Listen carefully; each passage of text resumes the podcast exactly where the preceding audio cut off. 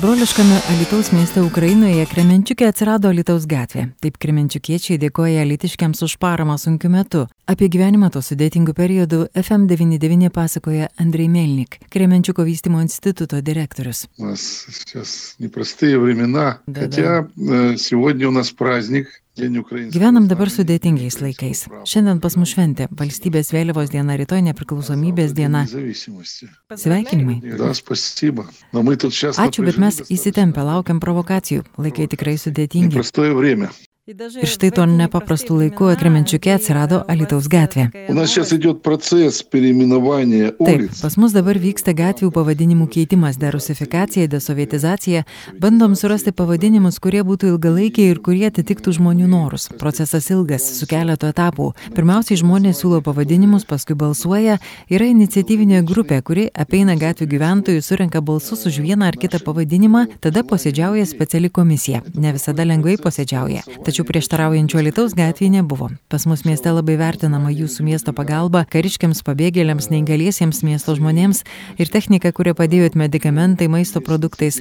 Tad Alitaus gatve tapo gatvė miesto centre, kuri yra prie centrinio Padneprės parko, pergalės aikštės ir savivaldybės. Tai 500 m ilgio gatvė, nes centre ilgų gatvių ir nėra. Anksčiau jį vadinosi generolo Žadovo gatvė, bet mūsų bendruomenė nusprendė ją pavadinti Alitaus. Назвать улицей Алитовской. Kalbant apie kasdienybę, neramumai galimos provokacijos, kaip gyvena Kremenčiukas, kas pas jūs vyksta?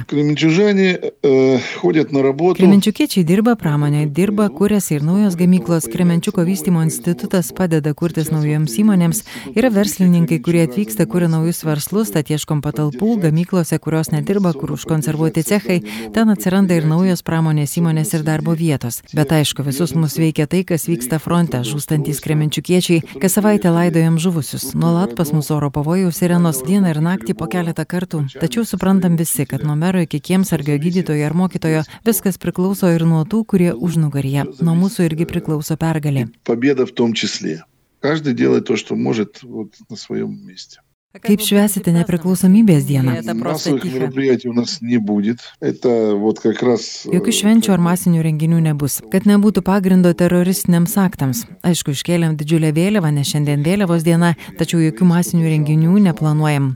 Bet bus specialus pristatymas pašto ženklų ir vokų, kuriuos išleido Ukrainos paštas ir filatelistai. Jie skirti nepriklausomybės dienai ir kolekcijai vadinasi Kremenčiuko legendos. Beje, aš esu tarptų legendų. Išleistas vokas ir su mano atvaizdu.